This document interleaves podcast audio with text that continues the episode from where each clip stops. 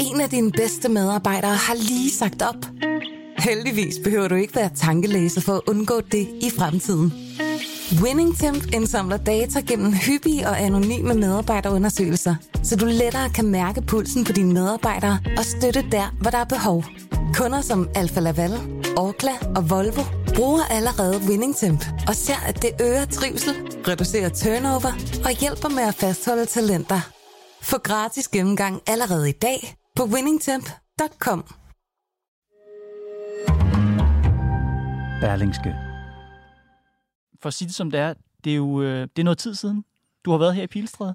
Øh, Jeg har været her sidst øh, for at besøge Niels Jørgen Hågerup, som var en god øh, ven, og øh, han havde det med at anmelde øh, nogle bøger, jeg skrev i 60'erne om international organisation. Så sidst du var her i huset, var i, i, i 60'erne? Det har været i 60'erne, ja, i slutningen af 60'erne. Jamen, ja. velkommen tilbage så. Ja, ja, der er jo nok sket en del her. Peter Hansen har vinterkolde hænder.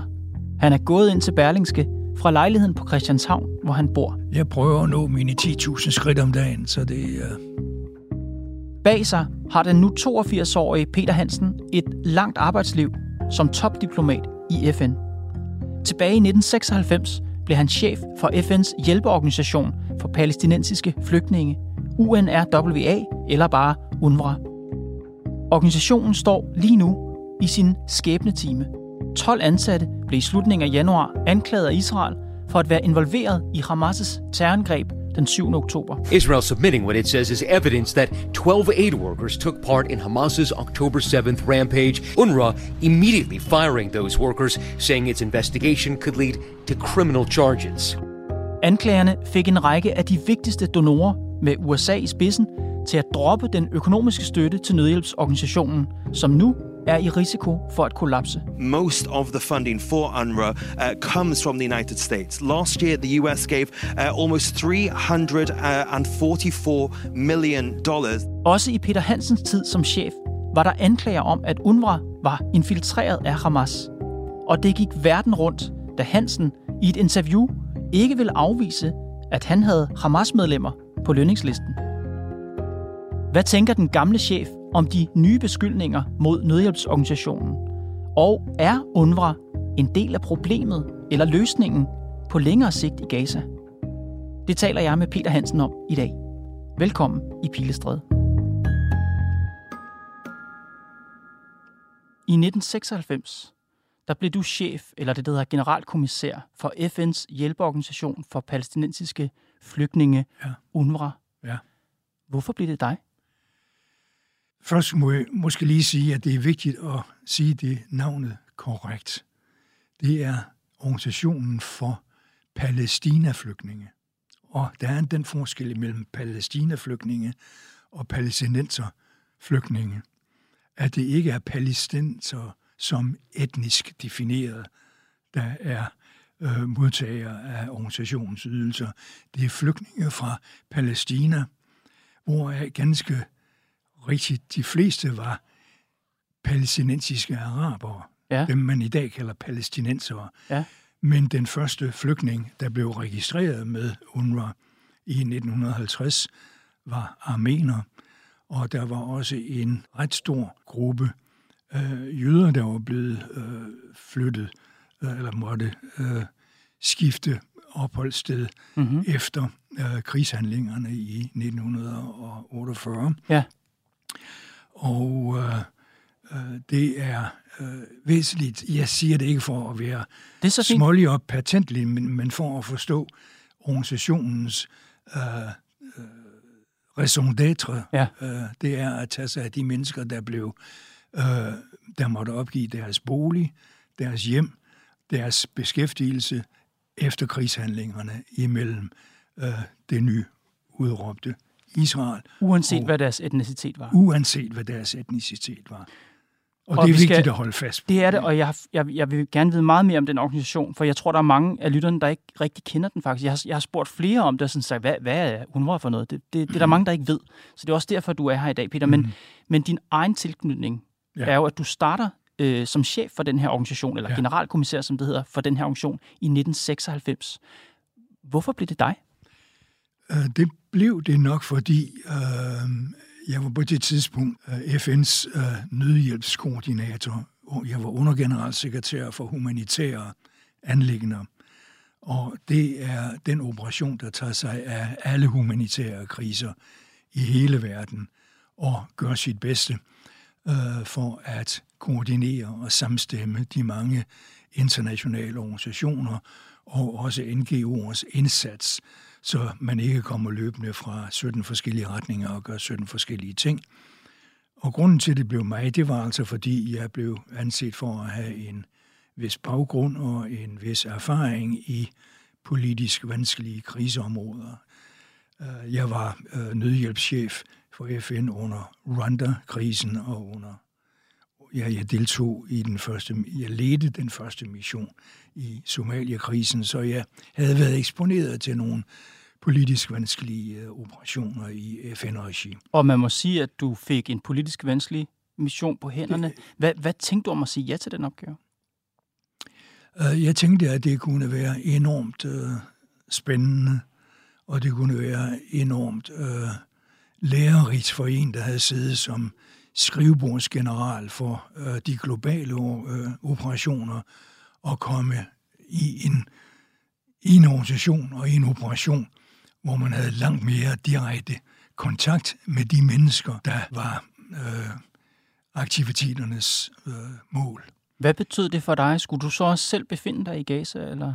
Øh, jeg, jeg havde hovedkvarter i Gaza og har boet, haft hovedbolig i Gaza i øh, knap 10 år. Mm-hmm. Men organisationen dækker jo hele Mellemøsten, så jeg havde også operationer i Syrien, Libanon, Jordan øh, og kontor i Kairo, fordi vi havde meget direkte samarbejde med den egyptiske regering. I alt har jeg læst mig til, så har UNRWA ca. 30.000 ansatte fordelt i alle de lande, du lige talte om.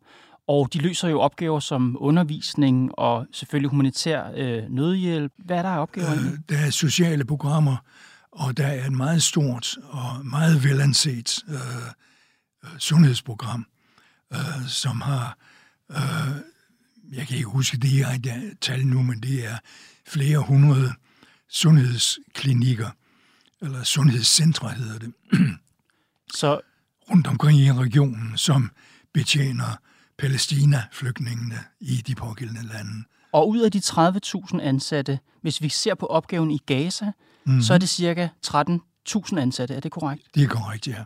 Og de opgaver, som UNRWA udfører i Gaza, altså når jeg hører om det, for mig lyder det nærmest som en, en offentlig sektor. Altså i virkeligheden er det, det er de basale øh, opgaver, som en offentlig sektor yder til en befolkning, det er faktisk det, UNRWA laver i Gaza. Det er fuldstændig korrekt.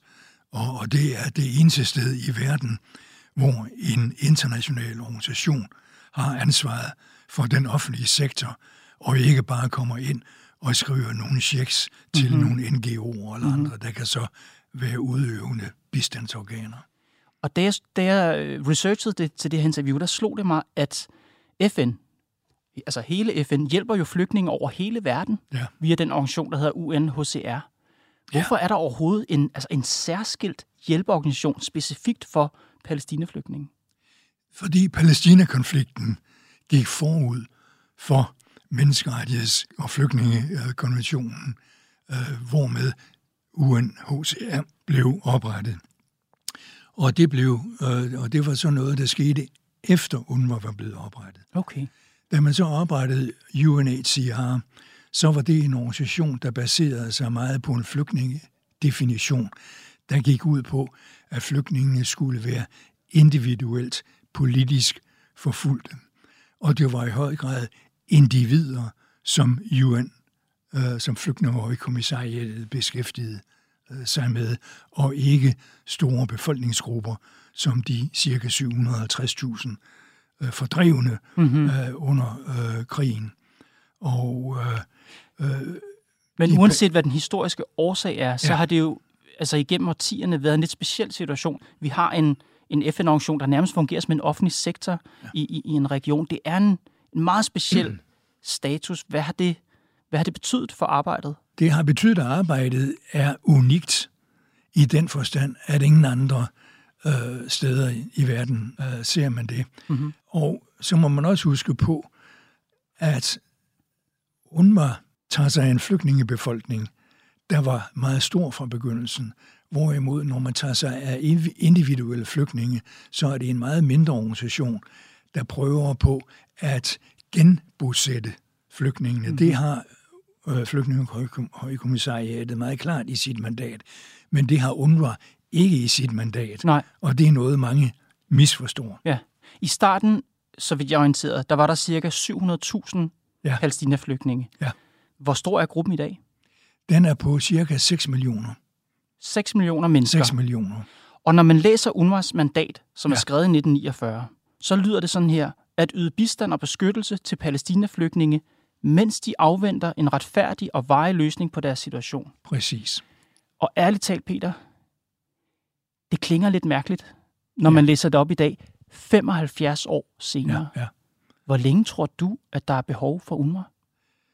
Jeg tror, der er behov for UNRWA så lang tid, som man anerkender, at et folk, der er defineret og identificerer sig som et folk, føler, at de har krav på selvbestemmelse, og at resten af verden, som den er organiseret i verdenssamfundet og FN, føler det samme og bakker det op år for år.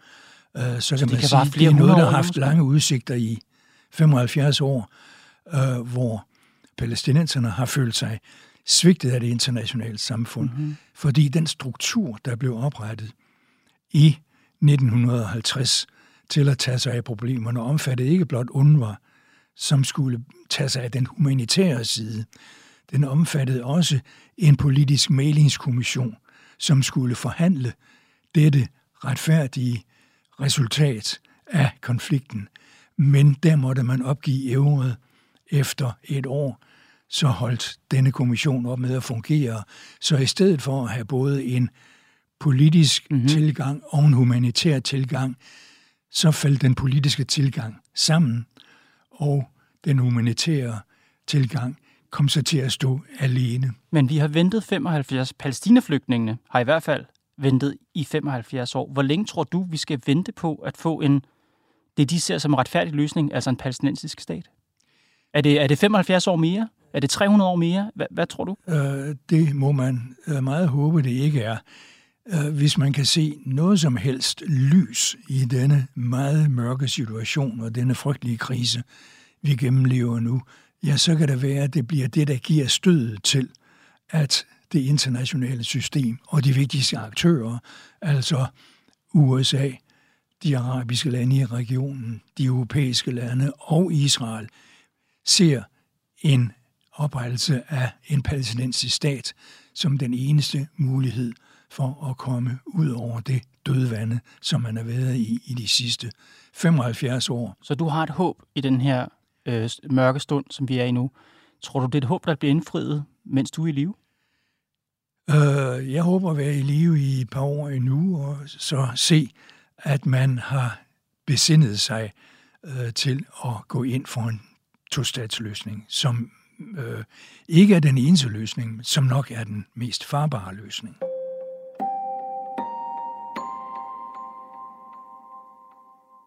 Du startede som sagt som chef i 1996 for UNRWA.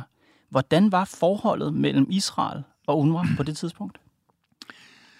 Forholdet mellem Israel og UNRWA har været et meget kompliceret og flertonet øh, forhold.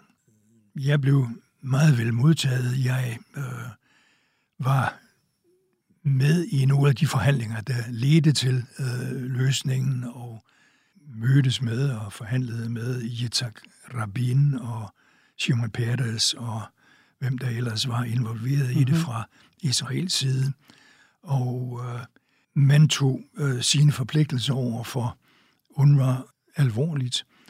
Øh, og øh, øh UNRWA har jo på mange måder været øh, gudsendt til Israel også, fordi de ville have været folkeretligt ansvarlige for at give mange af de ydelser, som UNRWA har gjort, har givet til palæstinenserne. Det ville de have været forpligt, folkeretligt forpligtet til. Og øh, der var det så bekvemt at have en international organisation, som tog det tunge slæb, samtidig man kunne stå på afstand og kritisere den og angribe den, hvis man så nogen fordel i det i en given situation. Ja, fordi du siger, på den ene side er det jo en egentlig praktisk for Israel, at der er en organisation i øvrigt sponsoreret af en masse andre lande, som tager sig af de flygtninge, de egentlig ellers vil have ja. ansvar for selv. Så på den måde kunne de jo nøjes med at være glade for organisationen, men det har de jo ikke kun været.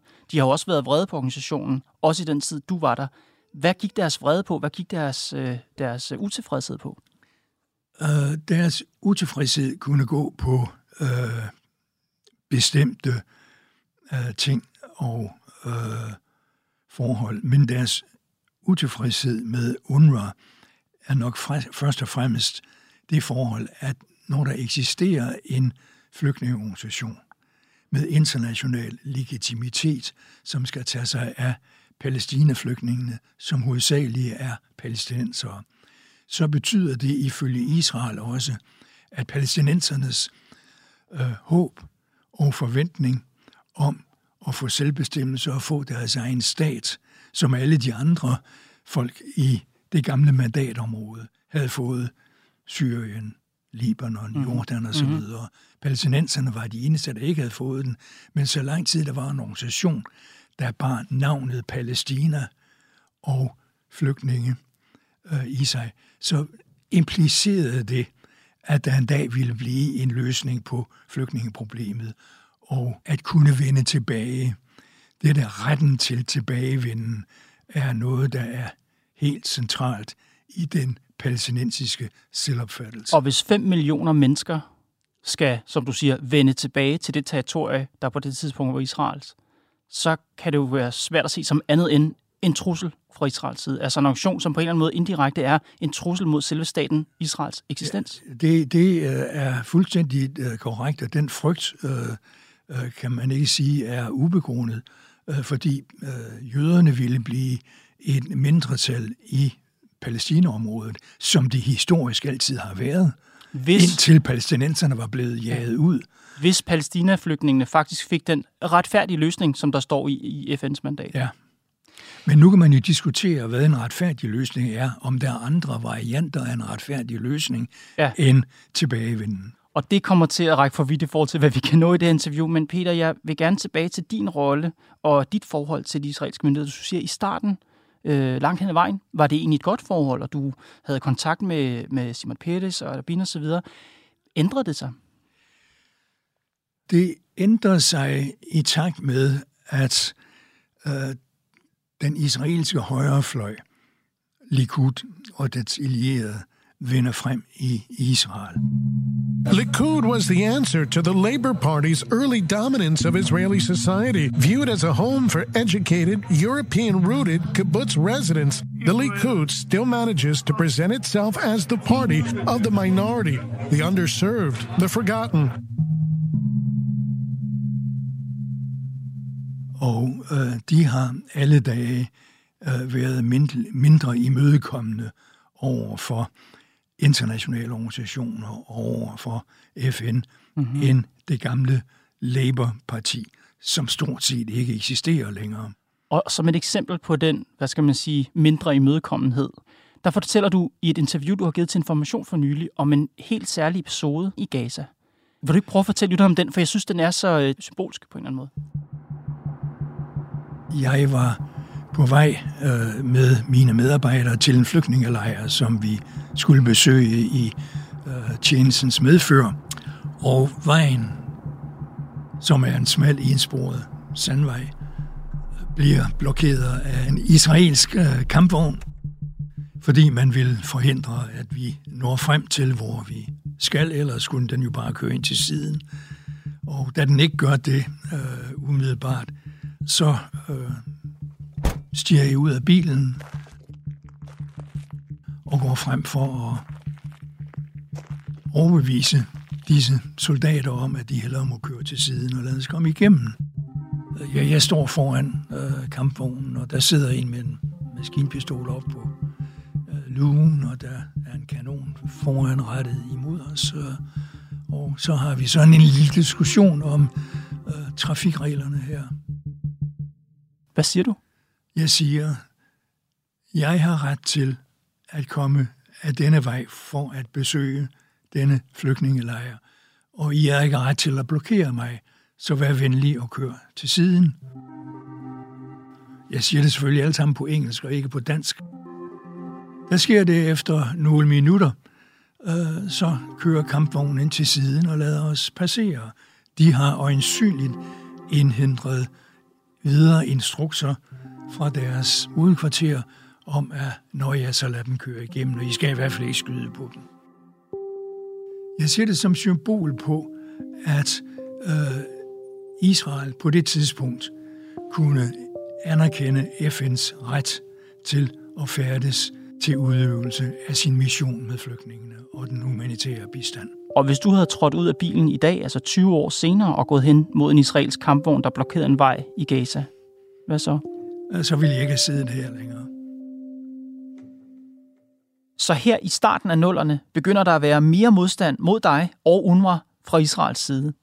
I oktober 2004, der udsendte Israel en video, hvor en UNRWA-ambulance angiveligt blev brugt til at transportere raketter. Videoen viste sig at være falsk, og den israelske her blev tvunget til at trække påstanden tilbage. Men i forbindelse med den sag, der blev du interviewet af kanadiske CBC News. Og her sagde du, jeg er sikker på, at der er Hamas-medlemmer på UNRWA's lønningsliste, og det ser jeg ikke som en forbrydelse. Hvorfor var du sikker på, at du havde Hamas-medlemmer på lønningslisten? Fordi på det tidspunkt havde der været opinionsundersøgelser øh, forud for det kommende valg i øh, Palæstina, og der havde en ganske væsentlig del af befolkningen i Gaza især sagt, at de ville stemme på, øh, på Hamas. Der sagde jeg så, fordi det ville være uærligt at sige, at der ville selvfølgelig ikke være nogen øh, Hamas sympatiserer eller folk med forbindelse til Hamas mm-hmm. eller hvad, i øh, en, en medarbejderstab på 13.000 mm-hmm. ud af en befolkning, hvor 20-30 procent siger, at, de, øh, at Hamas er deres foretrukne parti. Du siger specifikt, at du er sikker på, at du havde Hamas medlemmer, altså ikke folk, der stemmer på Hamas, men Hamas medlemmer på lønningslisten. Har du noget indtryk af, hvor mange? Ja, nej, det, det har jeg ikke. Det havde vi ikke en mulighed for. Vi har ikke adgang til uh, Hamas' uh, medlemslister. Uh, og det var ikke noget, man spurgte folk om, når man ansatte dem? Det var ikke noget, man, man, man spurgte folk om. Det, det, var, det var det ikke, nej, nej. Og på det tidspunkt, du så også ja. på, uh, der var, uh, det, det var før den 7. oktober Ja, det er meget, det er 20 år siden, det er klar over. Ja. Du siger, at du så det ikke som en forbrydelse, at du havde Hamas-medlemmer blandt dine ansatte. Men, men hvad tænkte du om det? Altså, var det, var det passende? Var det, hvad, hvad, hvad, hvad tænkte du om det? Jeg tænkte på, at, der, at jeg, ville, øh, jeg, jeg ville ikke sidde der og fortælle noget, der... Det ville være usandsynligt, at der ikke var Hamas-medlemmer men, i, i UNRWA's... Men det, du ser som et, et, et fuldstændigt sandsynligt scenarie, at du havde Hamas-medlemmer på din lønningsliste, hvad, ja. hvad tænkte du? siger, det, det er ikke en forbrydelse, sagde du dengang, men hvad tænker du om det? Jeg tænker, der, var, der var, ville ikke være nogen måde, hvorpå vi på en ikke markataistisk façon ville kunne gå ind og krydsforhøre folk om deres klubmedlemskaber, øh, om deres partimedlemskaber, eller hvad de foretog sig i deres fritid. Det, der for mig kom an på, og ja. det tror jeg, jeg sagde i samme sammenhæng, det er ikke, hvad disse mennesker måtte tro og mene. Det er, hvad de gør. Og det er det, hvad vi kan vurdere dem på som UNRWA-medarbejdere, at de agerer i overensstemmelse med mm. FN's værdier og principper. Så du får, så, så, altså for det første så du det ikke som en forbrydelse, du så det måske ikke engang som et problem, at der var Hamas-medlemmer på lønningslisten? Jeg kunne måske have tænkt på det som et øh, potentielt problem, hvis der havde været tegn på, at der havde været øh, meget aktivistisk Israel-fjendtlig adfærd fra disse statsmedarbejdere. Øh, og det oplevede du ikke? Det, det oplevede jeg ikke, nej. nej. Det jeg tænker, og som jeg tror mange mennesker tænker, når de hører det, det er, at UNRWA er en FN-organisation. Ja. Hele jeres berettigelse, hele jeres autoritet er bygget på princippet om neutralitet. Hvordan kunne UNRWA være det neutrale, hvis nogen af dine ansatte var medlemmer af Hamas? Som I siger, det vil komme ind på deres adfærd.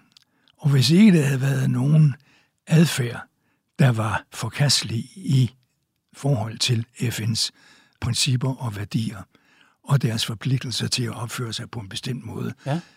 så ville det ikke for mig øh, være rimeligt af FN at komme ind og sige, I må ikke tilhøre den religion, og I må ikke tilbede den Gud, eller I må ikke være tilhænger Men- af det parti. Men jeg spørger dig ikke ansættelsesretligt. Jeg spørger dig ikke som, som, som hvad skal man sige, arbejdsgiver på den måde. Jeg spørger dig om synet på UNRWA. Jeg spørger dig til, om UNRWA kan opfattes som en neutral organisation, hvis de ansatte er medlemmer af Hamas. Er UNRWA så fortsat en neutral organisation? Hvis de opfører sig og handler som neutrale agenter i deres arbejdssituation, ja.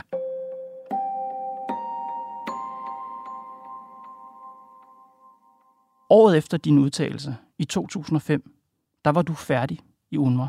Du tilbød FN's daværende generalsekretær Kofi Annan at fortsætte. Han afviste dit tilbud.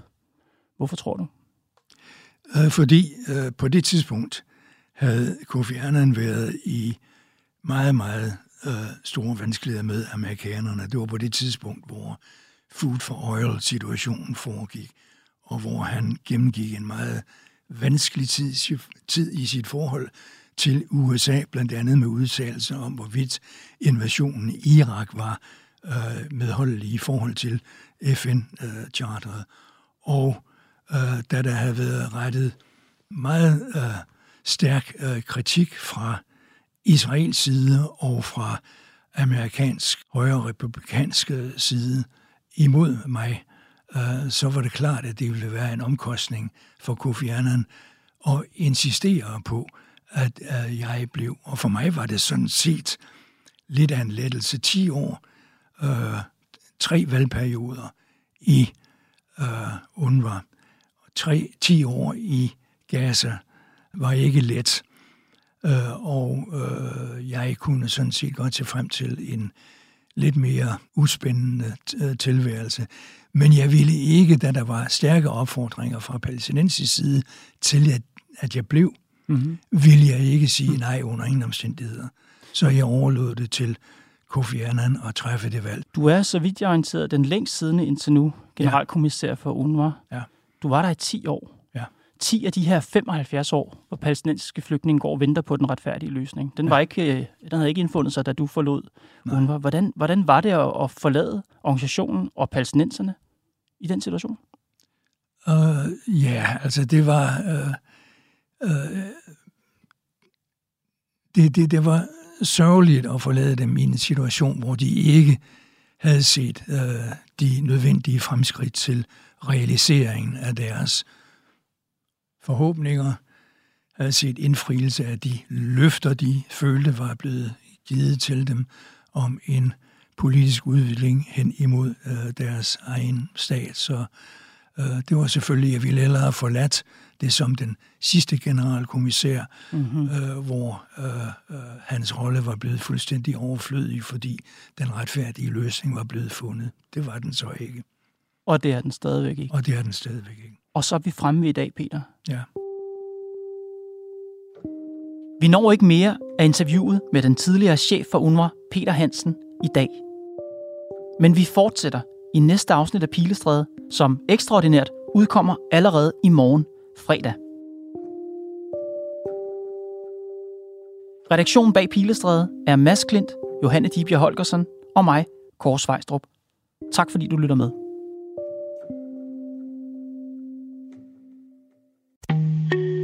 En af dine bedste medarbejdere har lige sagt op. Heldigvis behøver du ikke være tankelæser for at undgå det i fremtiden. WinningTemp indsamler data gennem hyppige og anonyme medarbejderundersøgelser, så du lettere kan mærke pulsen på dine medarbejdere og støtte der, hvor der er behov. Kunder som Alfa Laval, Orkla og Volvo bruger allerede WinningTemp og ser, at det øger trivsel, reducerer turnover og hjælper med at fastholde talenter. Få gratis gennemgang allerede i dag på winningtemp.com.